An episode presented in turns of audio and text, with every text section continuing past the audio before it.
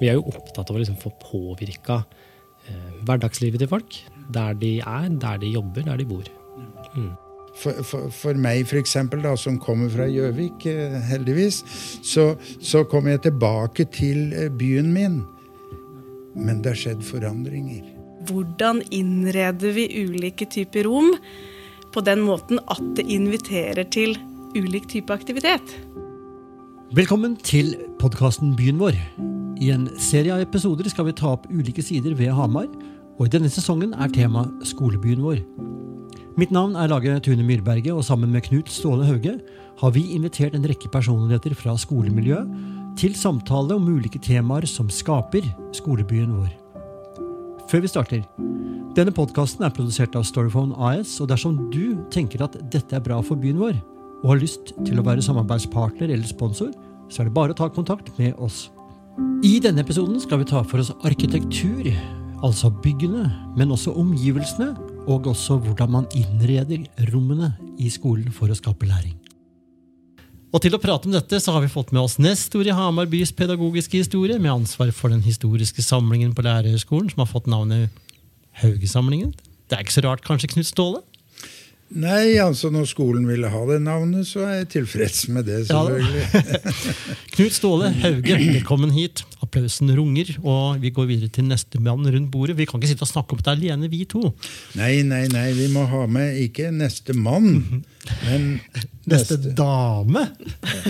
Det er seniorleder ved HIN, med ansvar for Future Classroom Lab, Ingeborg Amundrud. Hei, hei. Veldig kjekt. Men uh, Du har vært med i en episode før, så for den uh, skarpe lytter så vil du jo høre at uh, hun har vi jo hørt le før. Har noe kjent med den stemmen, ja. ja. ja. Nei, men du er med denne gangen, for du har jo skrevet en masteroppgave. Mm. Og den handler jo om rommets tilretteleggelse for kreativ læring. Mm. Altså innredning av rom. Og da var det veldig interessant å ha deg med i denne episoden her. Men du er jo ikke arkitekt, du har ikke bygd hus. Nei, bygd. det har jeg ikke. Nei. Men det har derimot Amund Eggen, Eggum Vangen gjort. Ja. Hamar-arkitekten. Ja, ja Hamar-arkitekten. Det tror jeg ikke jeg skal påstå at jeg er sånn i egen person. Men, eh, men kontoret vårt har jo i hvert fall gjort mye. Gjort uh, mye både på Hamar og andre steder gjennom, uh, gjennom mange år. Og, mm. uh, Studio NSV. Ja. ja nemlig. Du, Amund, la oss gå rett på deg med en gang. Liksom, fortell litt. Altså, du er fra Hamar. Ja. Du har gått på skole på Hamar? da? Gått på skole på Hamar, gått på Presterud, gått på Aier før den ble pussa opp. Og gått på Katta før den ble pussa opp. Og, ja. mm. Har du vært på Aier-Katta etter at de ble pussa opp? Bare for, å, bare for, å, stemme. Og da fant jeg jo igjen sånne ting som henger i gangen. ikke sant? Noen gamle plansjer ja. som man hadde fra forestillinger og forskjellig. Ja. Det er jo hyggelig. Du, det er en skole til du glemte å nevne. Ja. Janitsjarskolen. Janitsjarskolen, ja, der har jeg gått uh, historia. Den er jo kanskje ikke så uh, hva skal jeg si, Den er ikke så fysisk stedbestemt, selv om Sagen Musikkens hus. Så, ja, Det var den gangen du gikk der? Ja, Da ja, Da var du ung. Ja, det kan være.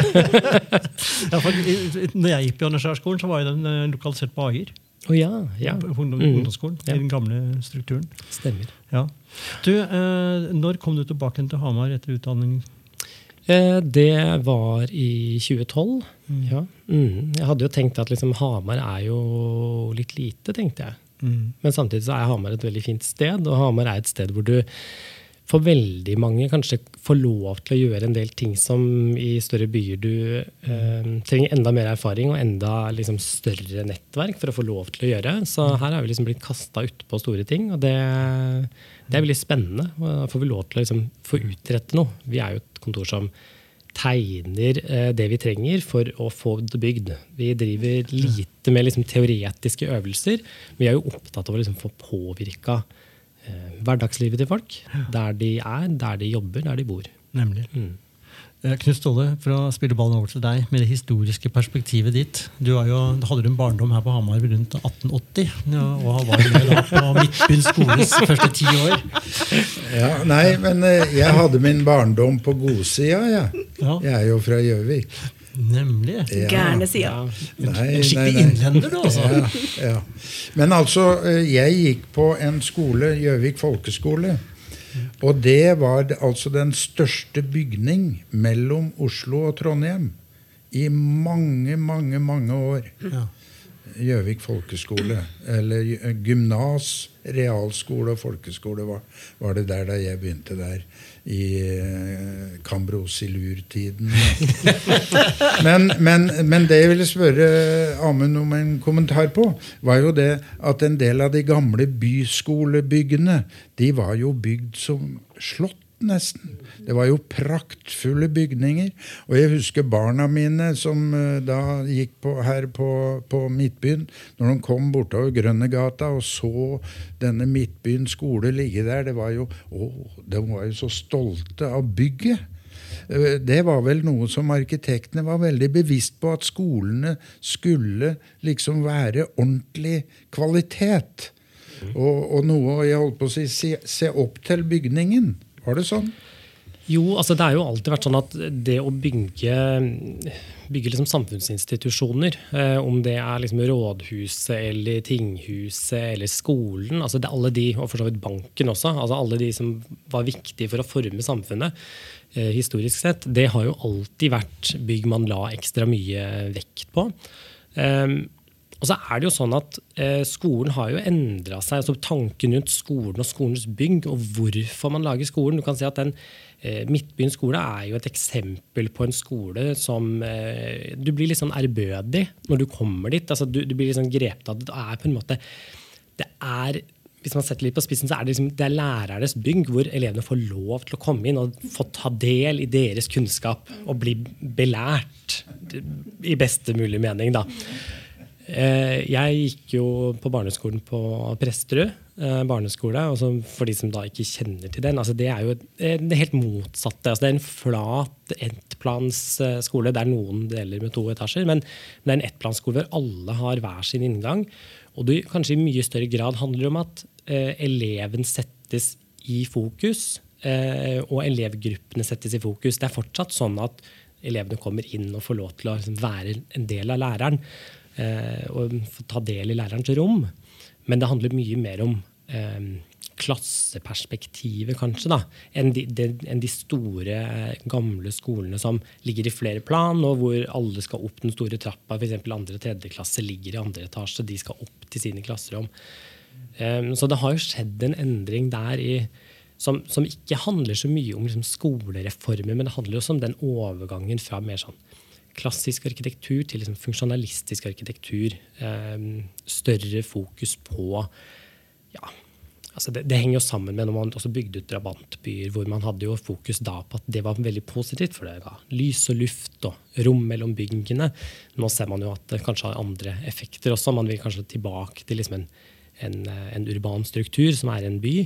Um, men uh, ja, så det, det, er mye som endrer seg der, og den tanken rundt hvordan skolebygget ligger, den er ganske, den, sier jo mye om hva man tenker om utearealene, f.eks. Mm.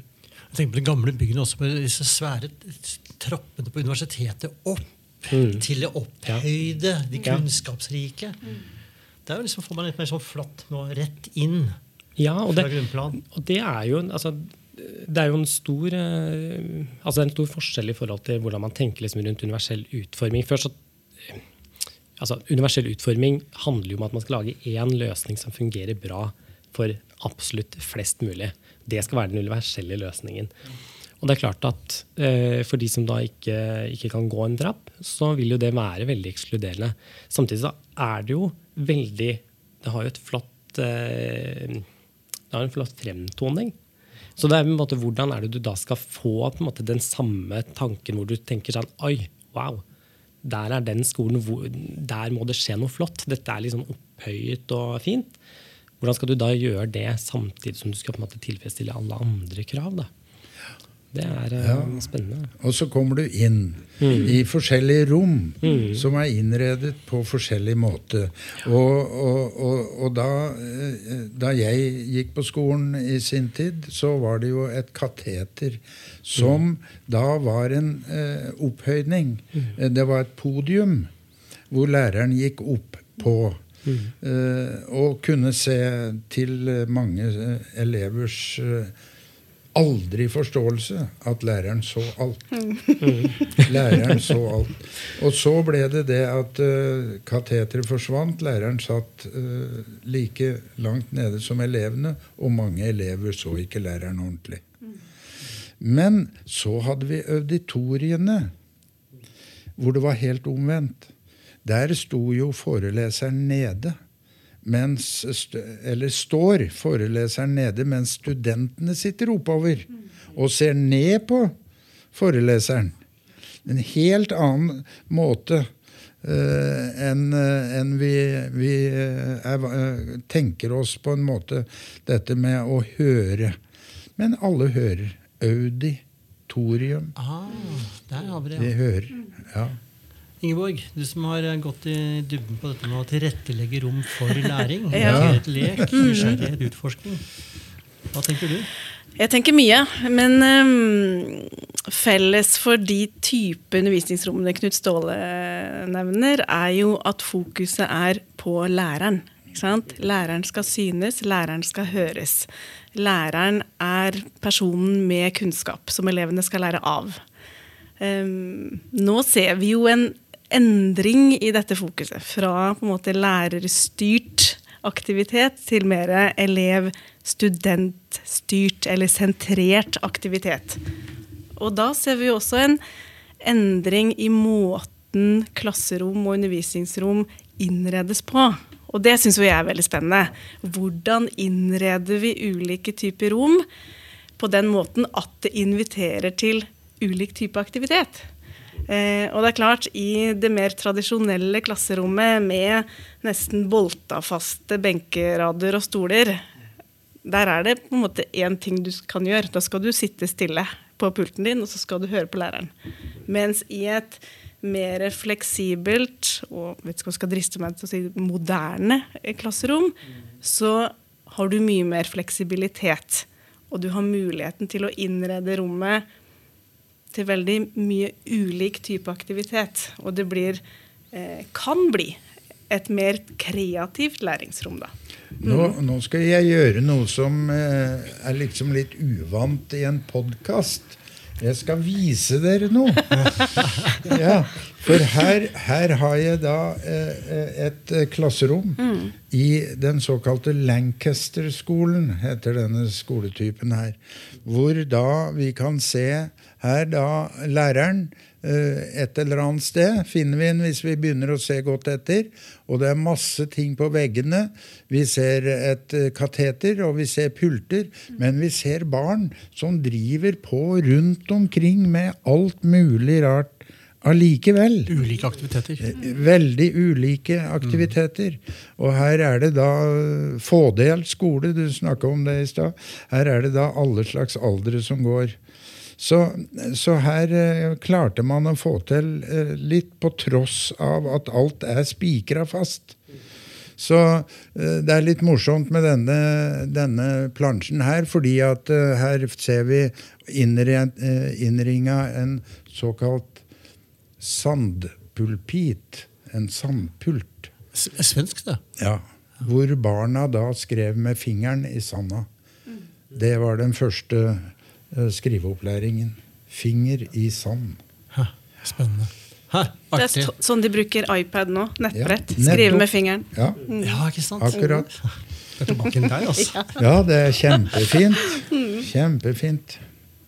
Uh, jeg tenkte vi skulle ta så uh, titte litt på altså, bygg i Hamar. Uh, de skolebygga som er i Hamar i dag. Mm. Hva tenker vi om dem, av de nyere bygga? Vi har Greveløkka, vi har Lappa på litt borte på Ager. Eh, det snakkes om ny skolestruktur og bygg av nye, store skoler. Eh, Knut Ståle og Thomas vi hadde en episode før i dag hvor det benevnte at Midtbyen skole, som nå ikke brukes som skole, hadde så mye som 800 elever på det meste. Mm. Det er jo en storskole, og dette er jo tilbake til liksom århundreskiftet, altså mellom 1800- og 1900-tallet. Men altså det er en sannhet med visse modifikasjoner, fordi at de 800 var ikke til stede samtidig. De gikk både om formiddagen og ettermiddagen. Ja. Interessant. Så en omorganisering fører til effektivisering. Mm. Skal vi gå tilbake dit? Nei, altså, hva, hva, tenker vi om de arkitektoniske grepene som finnes i nybygg, eh, og i tilpasning av eksisterende eldre bygg? Mm. Amund først, kanskje? Ja, altså jeg, Du har vært og stemt på Ajer? Ja, jeg har gjort det før. I, I går stemte jeg på, på rådhuset, for det er nærmest eh, nå. Men, eh, men ja. ehm, det er klart, det er jo sånn at eh, strukturen i en skole den setter jo en god del føringer for hvordan du kan jobbe med skolen. Altså det, det fornuftige når man skal gjøre en ombygging eller transformere det, er jo, er jo nettopp det å jobbe liksom med de, din, den strukturen som ligger der fra før av. Um, og det er klart at uh, det er nok mange som ser det at um, ja, Storhamar barneskole eksempel, eller deler av Lånsløkka også, som, som hvor, du, hvor, du, har elevene i flere plan over hverandre på barneskolen, det er jo det er klart at det er en større terskel, og det er kanskje mindre hensiktsmessig i forhold til det å liksom, få til liksom, aktivitet, få, få, pausene effektive, um, og jobbe med liksom, kontakten med, med uterommet.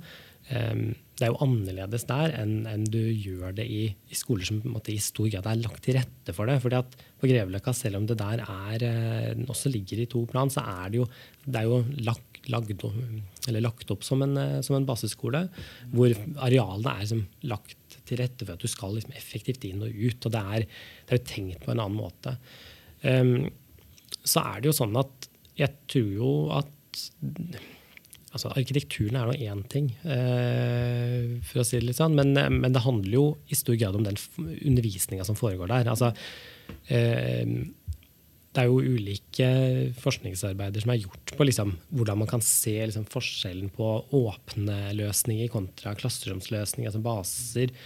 Um, og man klarer jo på en måte ikke å se noen sånn helt entydig signifikante forskjeller mellom de ulike som peker entydig i en retning. Mm. Altså eh, åpne, åpne, klasserom, det så man jo fra liksom, både 70- og 80-tallet, eh, forskning fra USA, som sier at liksom, åpne skoler lærer deg mer toleranse og åpenhet, mens eh, de lukkede det, det stimulerer en, en grad av trygghet. Mm så er det, ja, ja, det er jo positivt begge deler. Og så kan man jo stille seg spørsmål om liksom, skoletankegang i USA er liksom det man skal, skal se på. Um, men jeg tror det handler jo det handler mest om hvordan du bruker de rommene du har. Hvordan er det læreren bruker det? Hvordan er det man stimulerer det? Og så kan jo arkitekturen da gjøre det lettere eller vanskeligere å få det til. Um, mm. ja.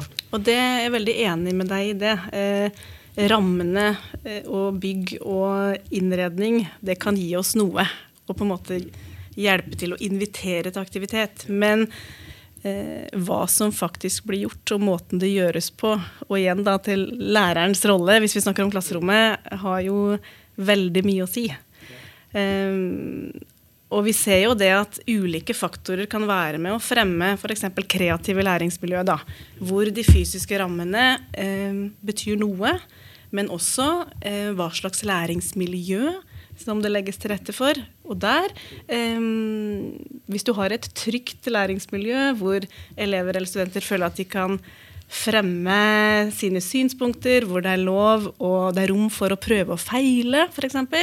Alt dette bidrar jo eh, til å skape mer kreative læringsmiljø. Da. Um, og jeg så jo det, jeg har jo undersøkt um, disse framtidsklasserommene, eller ulike varianter av Future Classroom Labs rundt omkring i Norge.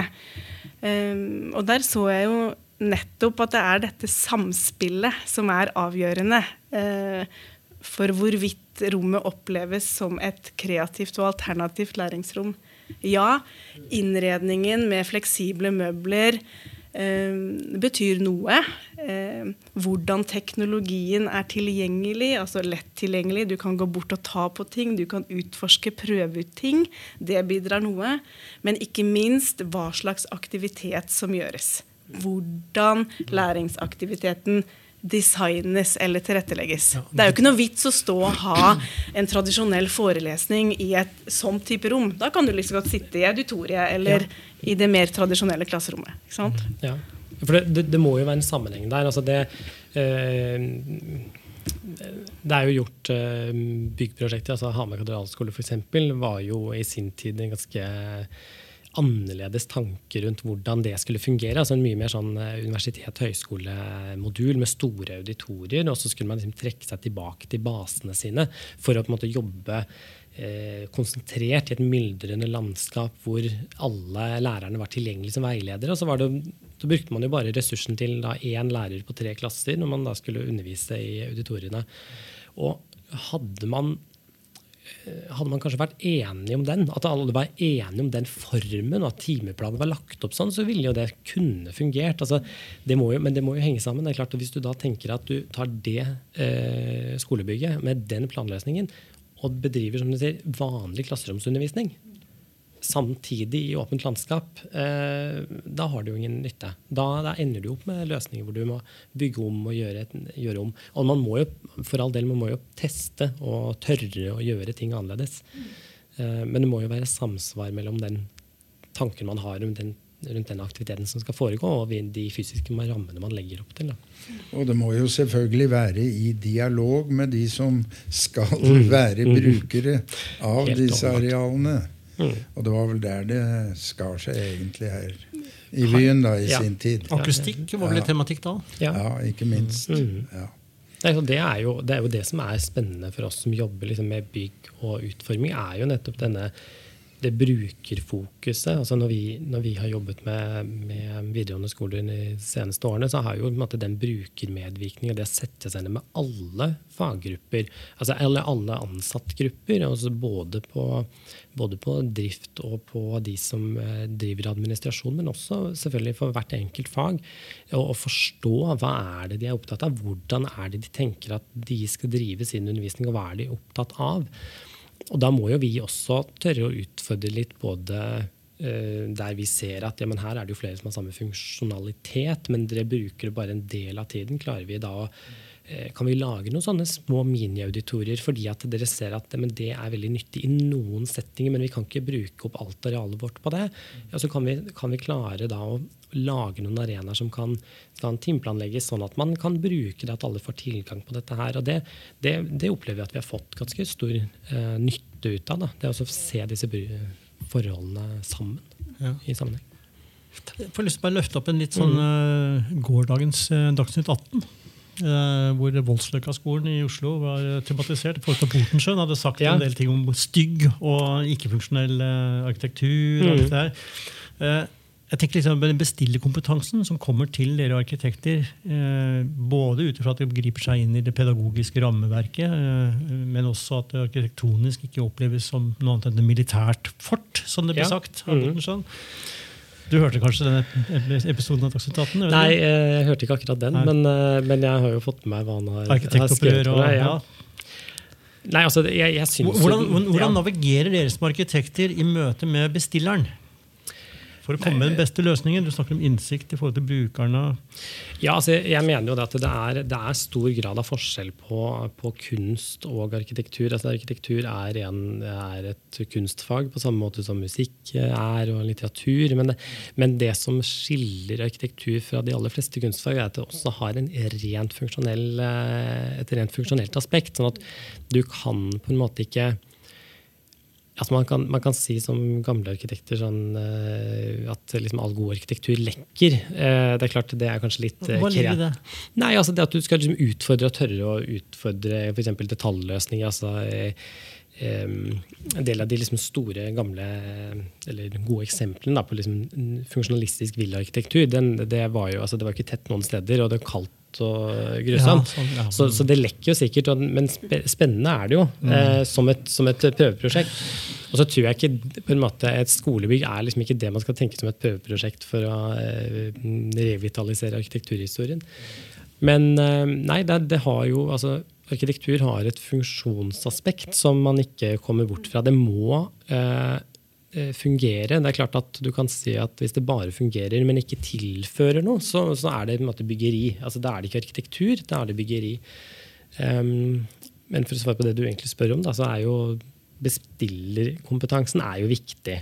Um, og det er jo sånn at det er jo ingen som klarer å ha full oversikt over hva de egentlig bestiller. Altså, det er nesten umulig. Altså, um, men man må jo være ganske sånn åpen og ydmyk for at det vet man ikke. Altså, hvis man er den som skal bestille inn et, et, et nytt skolebygg, da, så, så, har man jo en myriade av aspekter man, man, må kunne, og man må hente inn fagfolk på alle deler.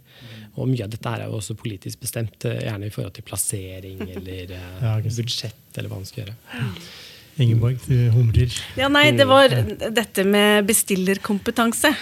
Um, jeg tror jeg trenger dette, eller jeg tror jeg vil ha dette, men er det egentlig det jeg vil ha? Altså jeg tenker den, den Det blir viktig med dialog, da. Eh, mellom dere arkitekter og brukerne.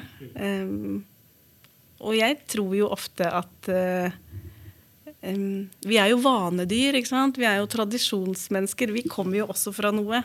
Eh, vi er vant til bestemt type rammer eller rom eller innredning.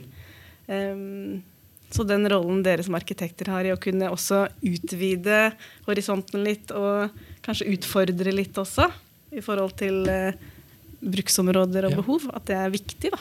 Jeg tror det er viktig. Altså, skal vi jo selvfølgelig også ta ansvar for det estetiske, hvordan det ser ut. Det er jo helt åpenbart. Det er jeg synes jo i forhold til sånn som Voldsløkka f.eks., så er det for enkelt å si at eh, det er så mange ting som er forutbestemt. Eh, for man har ganske stor grad Man har jo ansvaret for formgivningen allikevel, ja, men man, det kan gjerne være kledd med, med solceller, men man må, man må ikke nødvendigvis skråstille de. Eh, og ikke tilpasse dem til vinduene rundt. Men det, det, er jo en litt annen diskusjon. Da. 30 graders vinkel, var det det? 30 graders vinkel, ja. og det, mm. det, er selvfølgelig mye som, eh, som er sånn at man, man snakker om eh, bærekraft eh, i arkitekturen, og byggebransjen står jo for 40 av, eh, av eh, CO2-utslippene Eh, utslippene i, i, verden.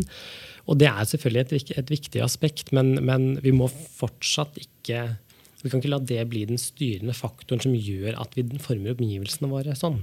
Altså vi, må, vi, vi må finne løsninger som lar oss ha gode rammer, og som gir en både god opplevelse til de som går forbi, men også de som skal bruke bygget. Um, ja, jeg vet ikke om man da vil gå forbi og tenke på samme måte som midtbyenskolen. at liksom, wow, dette er flott. Mm. For det, det, burde virkelig være det. Det er som et slott. Ja, det er som et slott. Ståle. Slottet Midtbyen skole. Ja. ja. det er en vakker bygning. Ja. Det var jo også gamle katedralskolen oppe ved Vestre torg også på Hamar, som ble revet i sin tid. Og det gikk jo flere tiår, og folk snakka om hvor flott det bygget var. skulle vært tatt vare på. Men der, jeg tenker på den emosjonelle knytningen mennesker får til et bygg hvor man har vært lenge. F.eks. det bygget du er født og oppvokst i, for eksempel, har jo da en egen betydning for deg.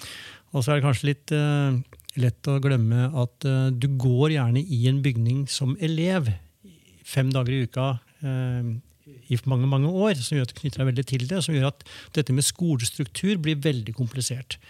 Uh, så det å måte bare se for seg at Rollstøkka skal rives, eller at Storhamar skole skal rives og skal bli noe annet, og så skal man samles på et nytt sted som er helt fjernt fra oss, da er det mange voksne som hadde unnet sine barn å gå på den skolen hvor jeg også gikk. Knut Ja, altså sko, uh, Midtbyen skole er vakker.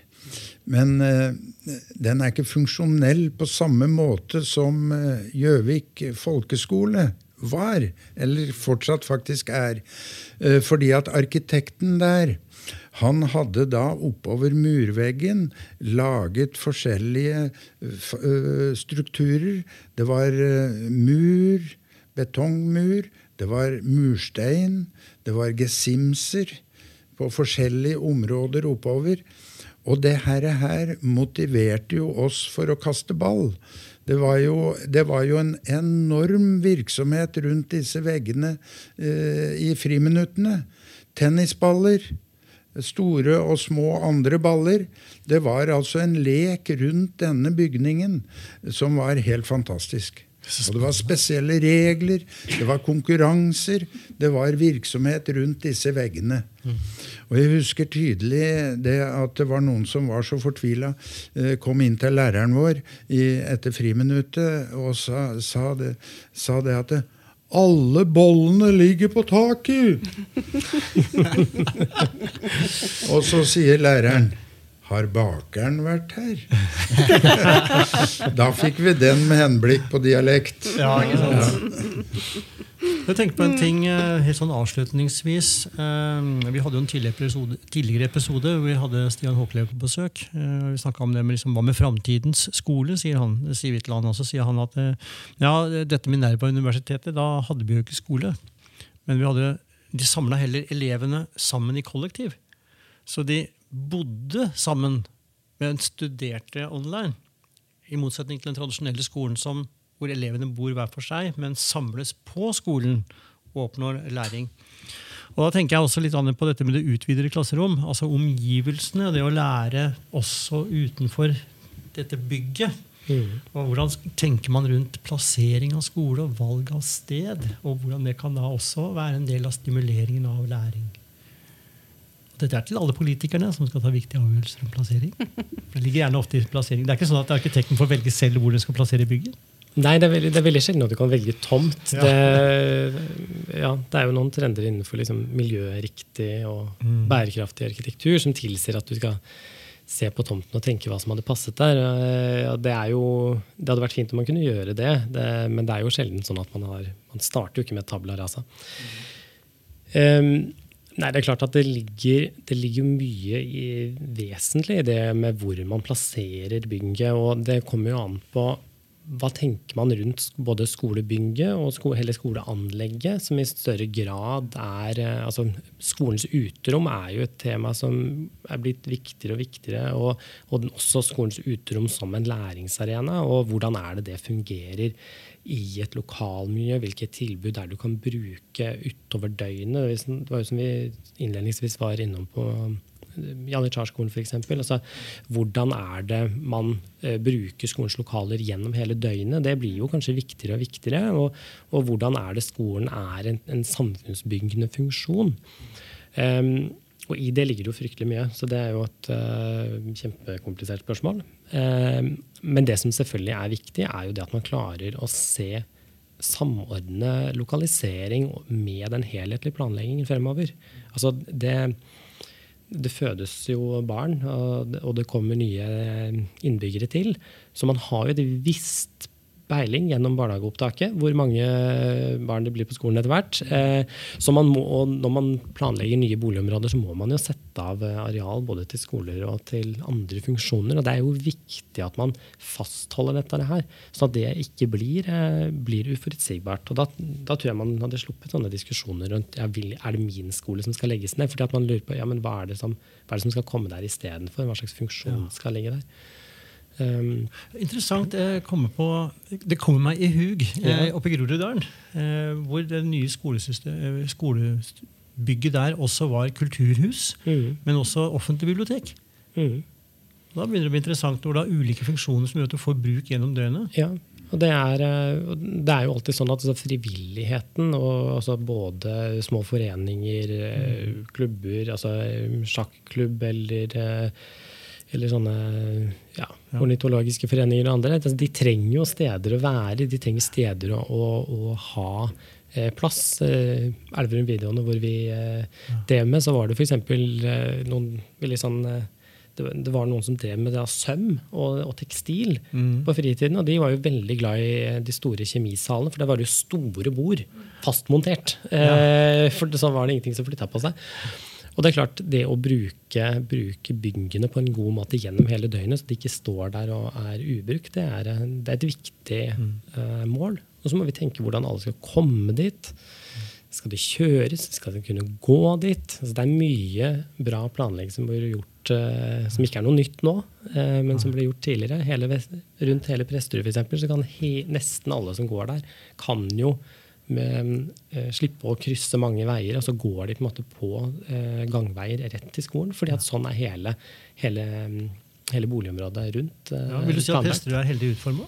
Jeg vil si at det er ganske heldig utforma. Eh, det er sikkert, Nå er det lenge siden jeg har vært der, og jeg vet ikke hvordan tilstanden er. og det gjelder For de aller fleste skoler i hele Norge så er jo inneklimaet generelt sett for dårlig. Ja. Um, så det, Man kan jo ikke unngå å bruke penger, man må jo hele tiden passe på at man holder eh, skolebyggene ved like. Men jeg, jeg syns det er et ganske godt eksempel på hva som måtte, både gir en viss sånn åpenhet, eh, fleksibilitet i både romstørrelse, men også liksom, trygghet for de ulike. Det krever areal, og det, det passer kanskje ikke i en, i en bærekraftig eh, prosjektering, men, eh, men det kan være viktig. Eh, Ingeborg, et spørsmål til deg. Altså, mm. Det er et paradoks, men altså, du jobber mye med det digitale og med anvendelse av teknologi i læring og tilrettelegging og anvendelse av det. Og så er det da classroom som er liksom begrepet. Mm. Men hvis du tenker det utvidere, da, mm. klasserom, altså hvordan skal teknologi brukes utenfor skolen med tanke på læring? Naturskolen har vi f.eks. Mm. i Hamar. Uh, Mm, man kan bruke mye teknologi utafor klasserommets uh, vegger også. Ja. Eh, ta med deg eh, mikroskopet ut, f.eks. Ja, eh, studere detaljer i larver og maur og bark og blader, som et eksempel. Ja. Hils på larven der han bor. ja. Eller om du tar med deg eh, nettbrettet ut og dokumenterer, tar bilder, lager film av det du har opplevd. Eller samler inn data hvis du er litt høyere opp i ja. utdanningssystemet. Masse muligheter. Mm. Ståle, vi går inn for landing på nok en spennende episode her. Ja, vi gjør det. Veldig spennende. Ja. Hva gjør du der for noen refleksjoner eh, når du er med i denne samtalen her? Ja, altså, det er jo så mange muligheter. Eh, det er jo så spennende å se hvordan man kan komme nærmere virkeligheten ved å bruke mediene. Det mener jeg også er et stort poeng med det hele her. Det er virkeligheten vi skal forholde oss til ved hjelp av teknologien. Mm. Sånn, at, sånn, sånn, sånn, at vi, sånn at vi på en måte identiteten vår bygges jo gjennom det som er rundt oss. Eh, ikke minst det vi kan ta på, det vi kan sanse på, mm. og det vi er i. Og jeg tenker Når eh, arkitekten forteller om byggene her, mm. Eh, sånn, sånn, sett så For, for, for meg, da, som kommer fra Gjøvik, heldigvis, så, så kommer jeg tilbake til byen min. Ja. Men det har skjedd forandringer. Det er revet, det er bygd nytt, osv. Men noen steder ser jeg gamle venner. Der er det en vegg. Det er Get Simpson. Det er vingården der. Det er den der. Det er det som gjør at jeg er hjemme igjen. Ikke sant? I byen min, sånn sett. Åh, Gud Ståle. Det var den vakreste avslutningen vi kunne få på denne episoden. her. Vær så god. Ja, tusen hjertelig takk. Takk til deg, Knut Ståle, takk til deg, Ingeborg, og til deg også, Amund, for at vi kunne ha den samtalen her. Og takk til deg som lytta helt fram til at vi har kunnet nærme oss 40 eh, minutters eh, episode. Det fins flere episoder her. Tida går fort i godt selskap. Knut Ståle humrer lett. Vi høres i neste episode. Hei og hå. Takk for at du har hørt denne episoden av Byen vår. Episoden er produsert av Storyphone AS, og du kan høre flere episoder der du lytter på podkaster. Dersom du tenker at dette er et spennende tilbud for byen vår, så kan du ta kontakt og bli med som samarbeidspartner og sponsor. Vi høres i neste episode.